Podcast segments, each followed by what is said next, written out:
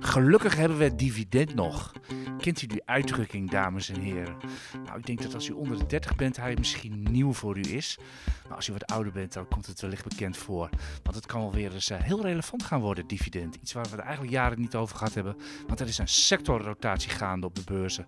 Daar ga ik het uitgebreid over hebben met mijn collega Niels Koers, aandelen fluisteraar van, uh, van IX.nl. Mijn naam is Arendt Kamp. Ik ben marktcommentator van, van IX.nl. Het is uh, vrijdag 14 januari. Het is ongeveer 11 uur als wij deze podcast gaan opnemen. De AX doet min 0,4. En sectorrotatie, dat is volgens mij het grote thema op de beurzen momenteel. Kan jij je daarbij op aansluiten? Ja, jawel. Je ziet uh, technologieaandelen, met name de duurdere aandelen, zie je hard zakken. En de waardeaandelen, met name de verzekeraars en de, en de banken, die gaan omhoog. Ja, dat waardeaandelen, financials? Jazeker, weinig, relatief weinig groei, maar een mooie dividend. Dus, uh, en een wat lagere waardering. En dat valt toch wel onder de categorie uh, waardeaandelen. Uh, Oké, okay. Dat is dus ook niet echt een hele vaste definitie voor wat er. Het loopt ook vaak door elkaar, hè, wat het precies is. Ja, sociaal een commodity, maar wordt het ook wel een weduwe- en, wezen, en wezenfonds genoemd. Ik verspreek me bijna. Ze gaat trouwens volgende week verhuizen. Oké, vrijdag 14 januari dus. Het jaarcijferseizoen staat voor, de, staat voor de boeg. Daar blikken we ook even heel kort op vooruit. En natuurlijk, we gaan het deze week hebben over de brede markt. Er was weer genoeg te doen deze week. We moeten het hebben over ene Philips. Ja, alweer in deze podcast. Er zat er was een omzetwaarschuwing met vele extra's, uh, mag ik wel zeggen. En natuurlijk, er waren cijfers van Just Eat Takeaway. Verder uh, ja, viel deze week Basic gigantisch op op onze beurs. Dat is een aandeel waar u ons ook graag over hoort. We gaan nog even, even hebben over flow traders. En hebben we ook lezersvragen deze week? Nou, deze week slaan we hem even over. Want er is een. Want? ja, er is, er is dit keer een digibate die de podcast gaat monteren. Dus dan slaan we dat maar even over voor het gemak. Ja, normaal stel ik altijd Koen Grutters aan u voor. Dat is onze technische man. Die is twee weken skiën. Oostenrijk, toch? Ja, zoiets. Oh jee.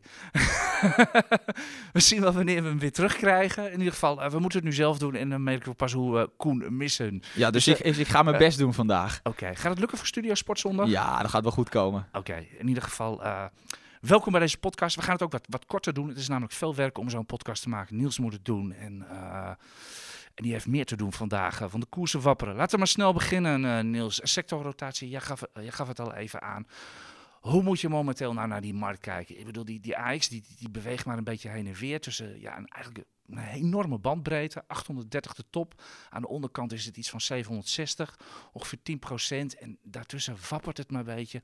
Ik kan er niet echt uh, wat van maken. Maar wat je wel heel duidelijk ziet, zijn de winnende en de verliezende aandelen. Niels. Ja, de verliezende, dat zijn met name echt de dure technologieaandelen. En dan met name een Adyen. Het, het, het, is niet voor niets dat het duurste fonds, wat Adyen is, het is het, hoogste, het aandeel met de hoogste waardering binnen de AX, die doet het dit jaar ook het allerslechtst. Ik geloof wel 20% lager uh, ja, dit jaar. wel, ja. ja. Dat is uh, fors. En aan de andere kant zie je uh, bij de winnaars zie je staalaandelen. Bijvoorbeeld een ArcelorMittal doet het heel erg goed dit jaar, staat bovenaan.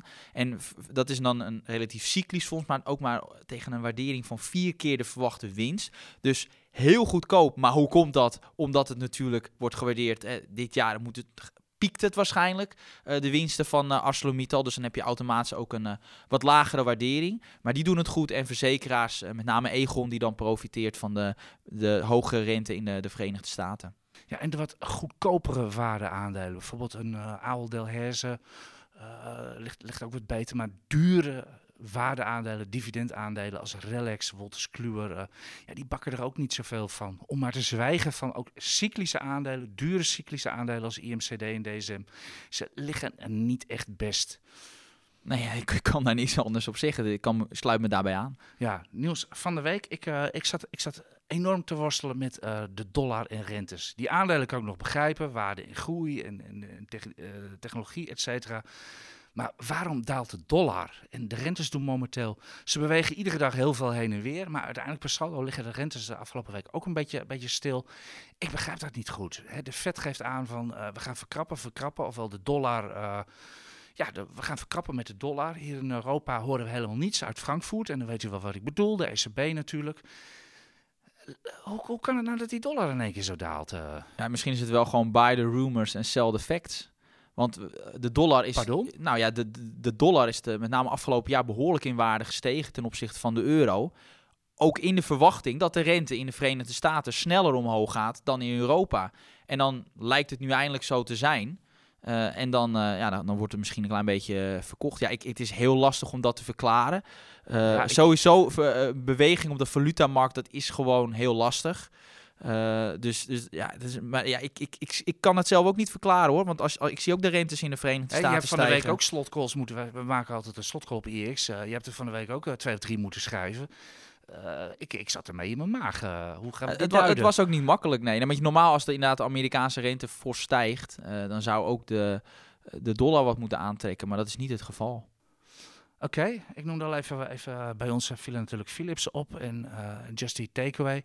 Internationaal waren de cijfers. TSMC was prachtig. Heb jij daar naar gekeken? Uh, nou, heel kort, ja, cijfers beter dan verwacht. En wat je ziet is dat TSMC is een chip maken. En ja, als TSMC hele goede resultaten laat zien, veel beter dan verwacht, geeft het ook een indicatie over de chipmarkt aan zich. Want TSMC is dan gewoon ook een belangrijke klant van ASML. Dus is het ook logisch dat een ASML en, en een BC en een ASMI op dat bericht stijgen. Dus het is de, de, grootste partij, een van de grootste partijen binnen de sector. Ja, dus als die goede resultaten laat zien, ja, dan uh, het is weet de, je dat. Het is ja. de grootste, grootste partij binnen de sector. Het is, uh, nee, dus het zegt nogal wat als, die, als dat bedrijf ja. eventjes de verwachtingen verplettert. Dus, uh, ja, verplettert. Ja. gewoon veel beter dan verwachte resultaten. Ja, dus en dat zette dan weer onze chippers in vuur en vlam om een dag later weer. nou ja, in ieder geval, u ziet het dagelijks. U, u krijgt het heen en weer van, van, van die koersen. En we gaan het zo meteen nog even uit. Had ik nog niet genoeg volgens mij. We gaan het ook nog even over, over BC hebben. Zo hebben hadden we wat je aangekondigd. Okay. Zeker. Nou, geen luistervragen. Wou jij nog iets over de brede markt zeggen? Of, uh... Nee, in principe hebben we het meeste wel behandeld. Nou ja, uh, wat, inflatiecijfer die we ja, hadden. 7% was in, was in de prik. Hè. Ja, dus ja, 7% is heel voor. We doen net alsof dat het helemaal niks is. Ja, ik bedoel, drie jaar geleden hadden we zoiets van, uh, we krijgen nooit meer inflatie. Nee, en nu 7%. Dus, maar wat met name wel opviel aan dat inflatiecijfers was dat dus niet zozeer de energieprijzen die stegen in uh, december, maar dat het de prijs voor voeding, kledings en auto's waren. Dus het is toch wel weer een andere categorie uh, wat echt in prijs uh, steeg. Ja, het, het zijpelt natuurlijk door. Hè? Kijk, kijk uh, bij zo'n chiptekort, waar zit tegenwoordig geen chip meer in? Energie en transport. Ja, uiteindelijk gaat dat natuurlijk alles en iedereen gewoon hoe dan ook raken, toch? ja, helder. En ik geloof ook dat het MKB in het Verenigde Staten ook iets van 10% de prijzen wilde verhogen. Ik, ik las zoiets. Dus ja, het, het zijpelt. Het, ja, iedereen wil het doorberekenen. Ja, mijn vrouw in paniek. Ikea gaat ook al verhogen. En, uh... ja. ja, nou ja, misschien moet je dan zeggen, koop nog maar iets minder. Ja, ja, Kan ook. Het enige wat niet duurder wordt, en zullen we even een vliegende reclame tussendoor doen, uh, Niels? Dat mag. Het enige wat niet duurder wordt zijn de IX-abonnementen, toch? Of... Nou, wij hebben ook verhoogd. Dat is niet, dat dat hebben is, zelfs wij verhoogd? Ja, wij hebben ook verhoogd. Dat weet ik. ik oh, jeetje, vraag me niet met hoeveel, want uh, wij als... Spreek je, dat verspreek ja, me. Ja. Ja, nee. nou, in ieder geval, waar u wel gratis naar kan kijken, is dat wij over twee weken, op 24 januari, gaan wij in samenwerking met IG Markets, doen wij een avond lang een... Uh, ja, met heel IEX eigenlijk en met een paar mensen van, uh, van IG gaan wij een avond lang gewoon allerlei ideeën, tips, adviezen, wat dan ook, trends voor het komende jaar bespreken. We, rekenen, we rukken echt met heel IEX uit, dus de TA-desk, uh, jouw vrienden van de, van de beleggingsdesk doen mee, ik ben er ook en uh, we gaan er gewoon een hartstikke leuke avond van maken. Kijk bij ons op de site en schrijf u gratis in. En wij zijn de slot-act, zijn wij. Slot. En, en, oh, wij zijn de slot En we weten ook al, we hebben ook al te horen gekregen wat we gaan doen. We gaan tien bijzondere voorspellingen voor 2022 afgeven. Dus uh, ja. Oké, okay, nou ik ben heel benieuwd wat we daarvan gaan maken. Nou, geval, ik, ik heb wel wat in gedachten. Dat is over, dat is over twee weken. Uh, laten we het eerst maar eens even hebben over de markt van deze week. Ja, we moeten het, ik zei het al, we moeten het weer over Philips hebben. En Niels, jij hebt een timeline. Want ik ga even met een quote beginnen. Het was uh, van de week bij die omzetwaarschuwing van Philips. Zei JP Morgan Chase, de analisten van JP Morgan Chase. En dat is natuurlijk geen misselijke Amerikaanse bank. Ze komen vanmiddag om één uur met cijfers uit mijn hoofd. Die zei van het vertrouwen heeft weer een bluts gekregen. Jij bent onze analist van Philips. Heeft dat het vertrouwen bij jou ook een bluts? Ik, ik, ik, ik, viel daar, ik viel daar echt over. Dat is, de analisten van JP Morgan weten dat iedereen naar hen kijkt. En die zeggen dat niet zomaar. En bij zo'n fonds, ik vond het een bijzondere quote. Het vertrouwen heeft een bluts, weer een bluts gekregen. Ja, nou ja, goed, bij mij was het vertrouwen al wel deels weg. Omdat uh, ik, ik bedoel, een mooi, mooi voorbeeld. Ik, ik heb, ja, als analist maak je een bepaalde berekening van, uh, van Philips van wat het waard is. Nou, ik kom nog steeds uit op 45 euro per aandeel. Maar ik heb een koersdoel al een, ja, een paar maanden van 31,50. Dus echt wel een korting van een procent of 30.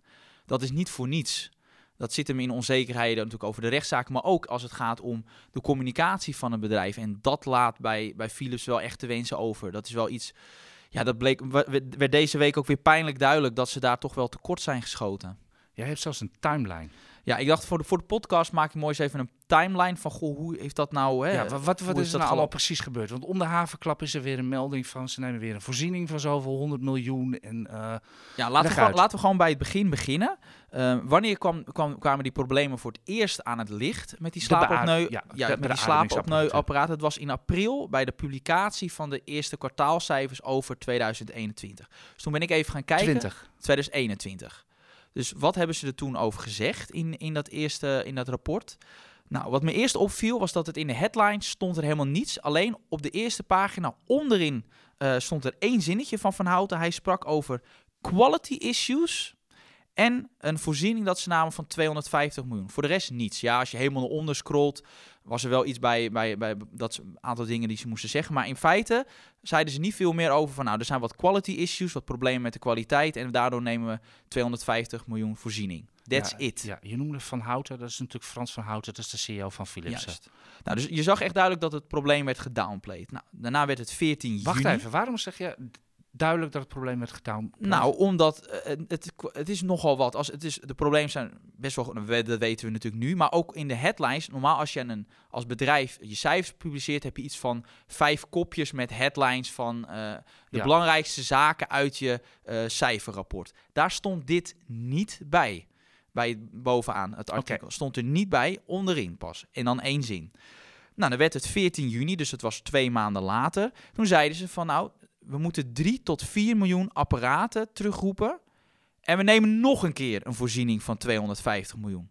Wat ze dan weer niet bij zeiden, was dat dus ook daardoor, doordat het zo'n grote terugroepactie was, dat die hele verkoop van die ademhalingsapparatuur ook stil lag. Dat hadden ze niet duidelijk gecommuniceerd. Want ik weet nog dat ik, ik heb, ben nou toen gaan uitpluizen. Ik ben toen een aantal vragen gaan stellen. Toen kwam ik er wel achter, toen gaven ze dat wel toe. je hebt ze ook gebeld, hè? Ik heb ze gebeld. Ik heb, ben, heb daar echt tijd in gestopt. En, en waarom weet ik dat ze dat niet goed hadden gecommuniceerd? Ik had dat nieuws dus twee weken eerder dan de NOS. Dus als zij duidelijk waren, dan had de NOS het, het ook wel meteen uh, gezien. Dus daar ging ook weer wat mis. Want toen dus bekend werd dat ze dus ook die hele verkoop stil ging, ging het aandeel nog weer verder omlaag.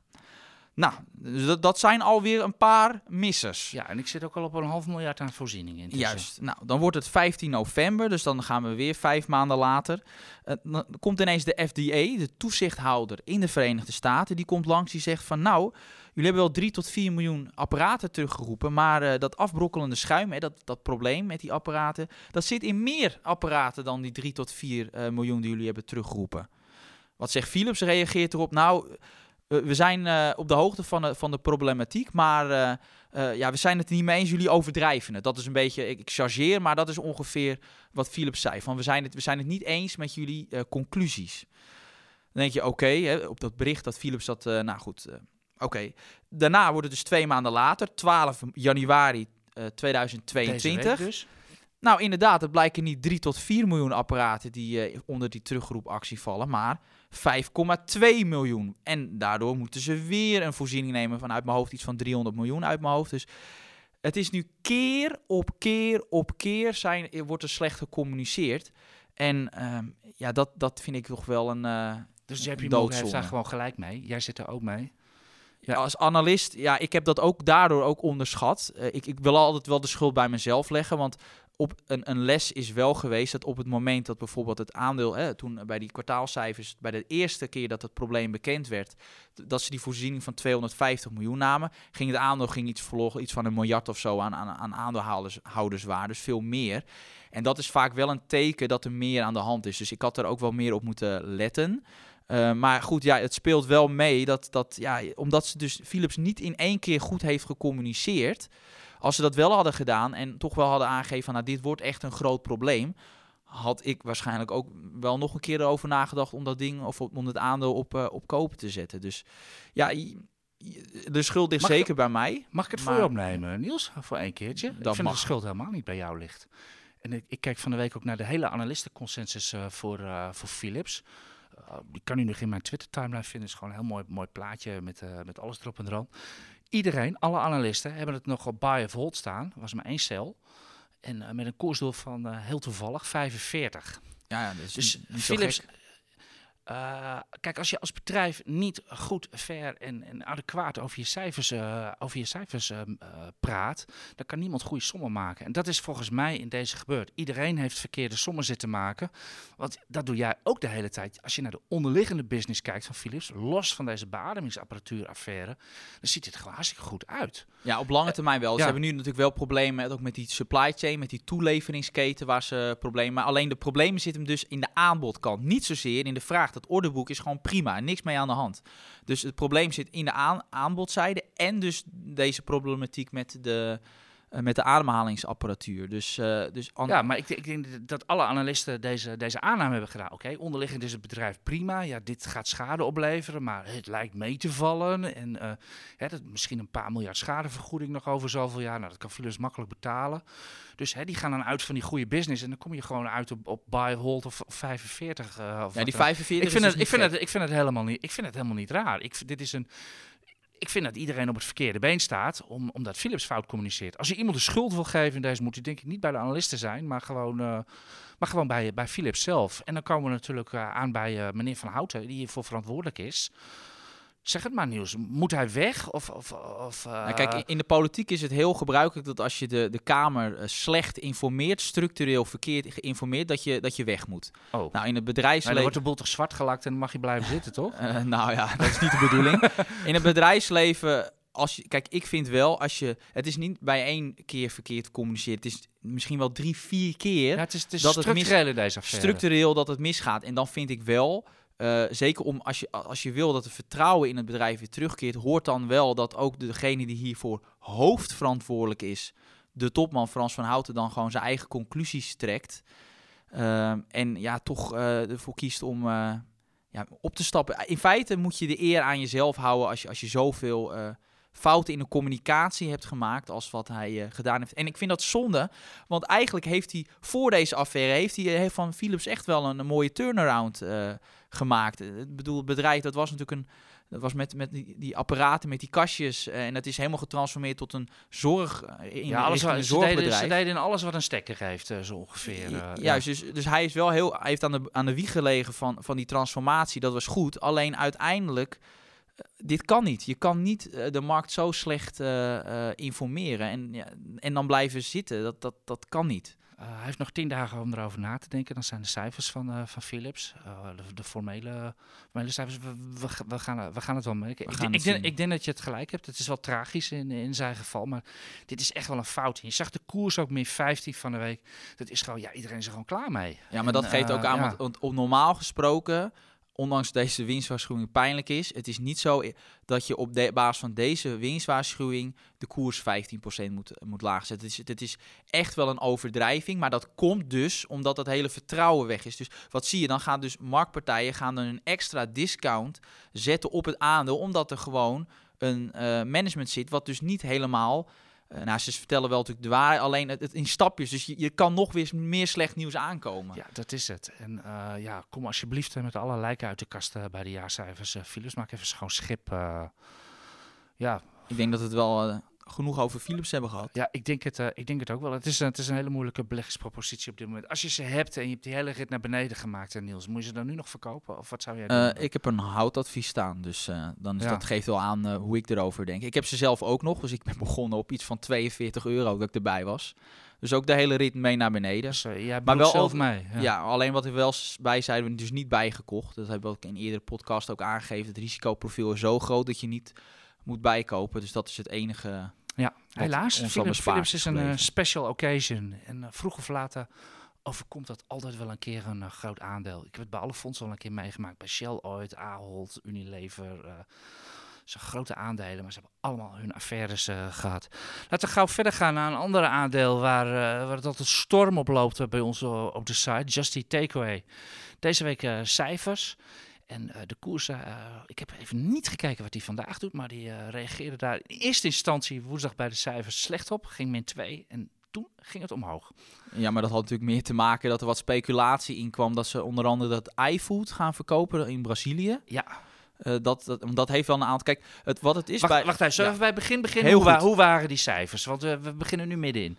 En die cijfers vielen toch wel een beetje tegen. Ja, die, ik heb, die, groeicijfers eh, waren... Ja, ja, het zijn fantastische groeicijfers, maar niet goed genoeg voor Niet Just die takeaway. nee. Dus de, de, de markt ver- verlangt gewoon meer. En met name in het, het, het heikele punt dat Grubhub wat Ja, marktaandeel inleeft, eh, inlevert. Eh, maar goed, daarna kwamen die geruchten over mogelijke opsplitsing van een bedrijf. En dan zie je dat zo'n koers ook wel weer kan stijgen. Want ik zag wel een interessant sommetje van eh, Robert Manders. Die had even berekend van nou, Ja, Wat is is- analist van IG is van dat, hè? IG. En Ja. die heeft gewoon berekend van, goh, ehm, wat is het aandeel, nou de afzonderlijke delen van, van Just Eat Takeaway, wat is dat nou waard? En dan heb je het Braziliaanse deel, eh, Verenigd Koninkrijk, Nederland, Duitsland en Amerika. En hij kwam uit op 62,70 euro per aandeel. Nou, de huidige koers ligt daar nog steeds best wel fors onder. Dus op het moment dat jij... Wat, wat voor sommetje heeft hij precies gemaakt? Ja, hij heeft gewoon, eh, ja, dat moet je eventjes maar op zijn Twitter eh, laten zien. Hij heeft al over, hij heeft al verschillende multiples op allerlei eh, verschillende takken. Ja, daar heeft hij goede uitleg bij waarom hij. Ene is natuurlijk ja. wat anders waard dan de ander. Eh, dus, dus hij kwam uit op die 62,70 en de huidige koers ligt daar iets van 20% onder of zo. Ja, zoiets. Dus, dus op het moment dat ze dan een deel gaan verkopen, ontsluit er een, een, een bepaalde waarde en daardoor gaat die koers omhoog.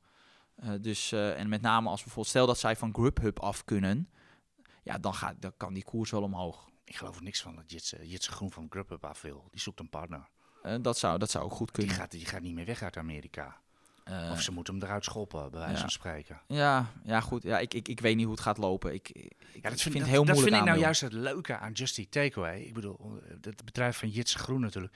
Dat is een ras ondernemer. En die houdt van risico's, die houdt van, van, van concurrentiestrijd volgens mij. Die, die, houdt van vechten.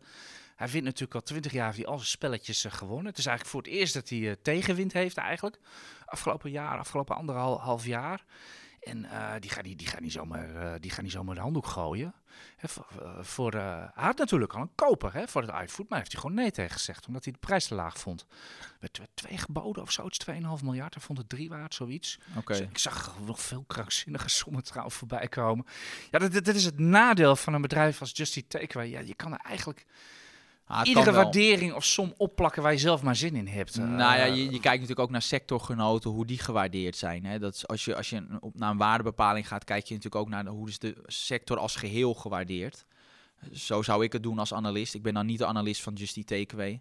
Dus, eh, dat, dus ik, ik heb ook niet zelf zo'n sommetje gemaakt. Maar daar kijk je wel naar. Dat heb ik bijvoorbeeld ook gedaan bij cm.com. Je, dan kijk je ook naar sectorgenoten. Zeker bij bedrijven die, heel, eh, die nog niet echt winstgevend zijn, moet je dus ook kijken naar sectorgenoten om tot een waardering te komen. Heb jij Just Eat Takeaway? Nee, nee, ik heb ze niet. Nee, oké. Nee, dat scheelt.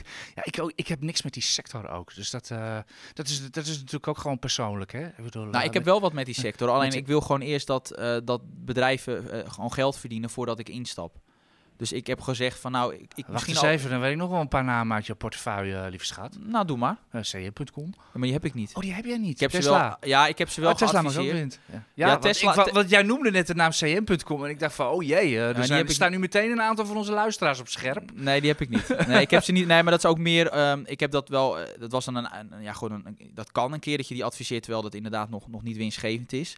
Alleen, het is een relatief klein fonds, want ik wilde, wil wel even me verantwoorden. Want wa- waarom tip je iets wat je zelf niet hebt? De reden is ook dat eh, als ik cm.com tip, dat de koers daar fors op beweegt en dan wil ik liever zelf geen positie hebben. Dat heeft nu goed uitgepakt, maar in het begin toen ik hem tipte ging dat ding plus 30%. Dus toen dacht ik van nou balen.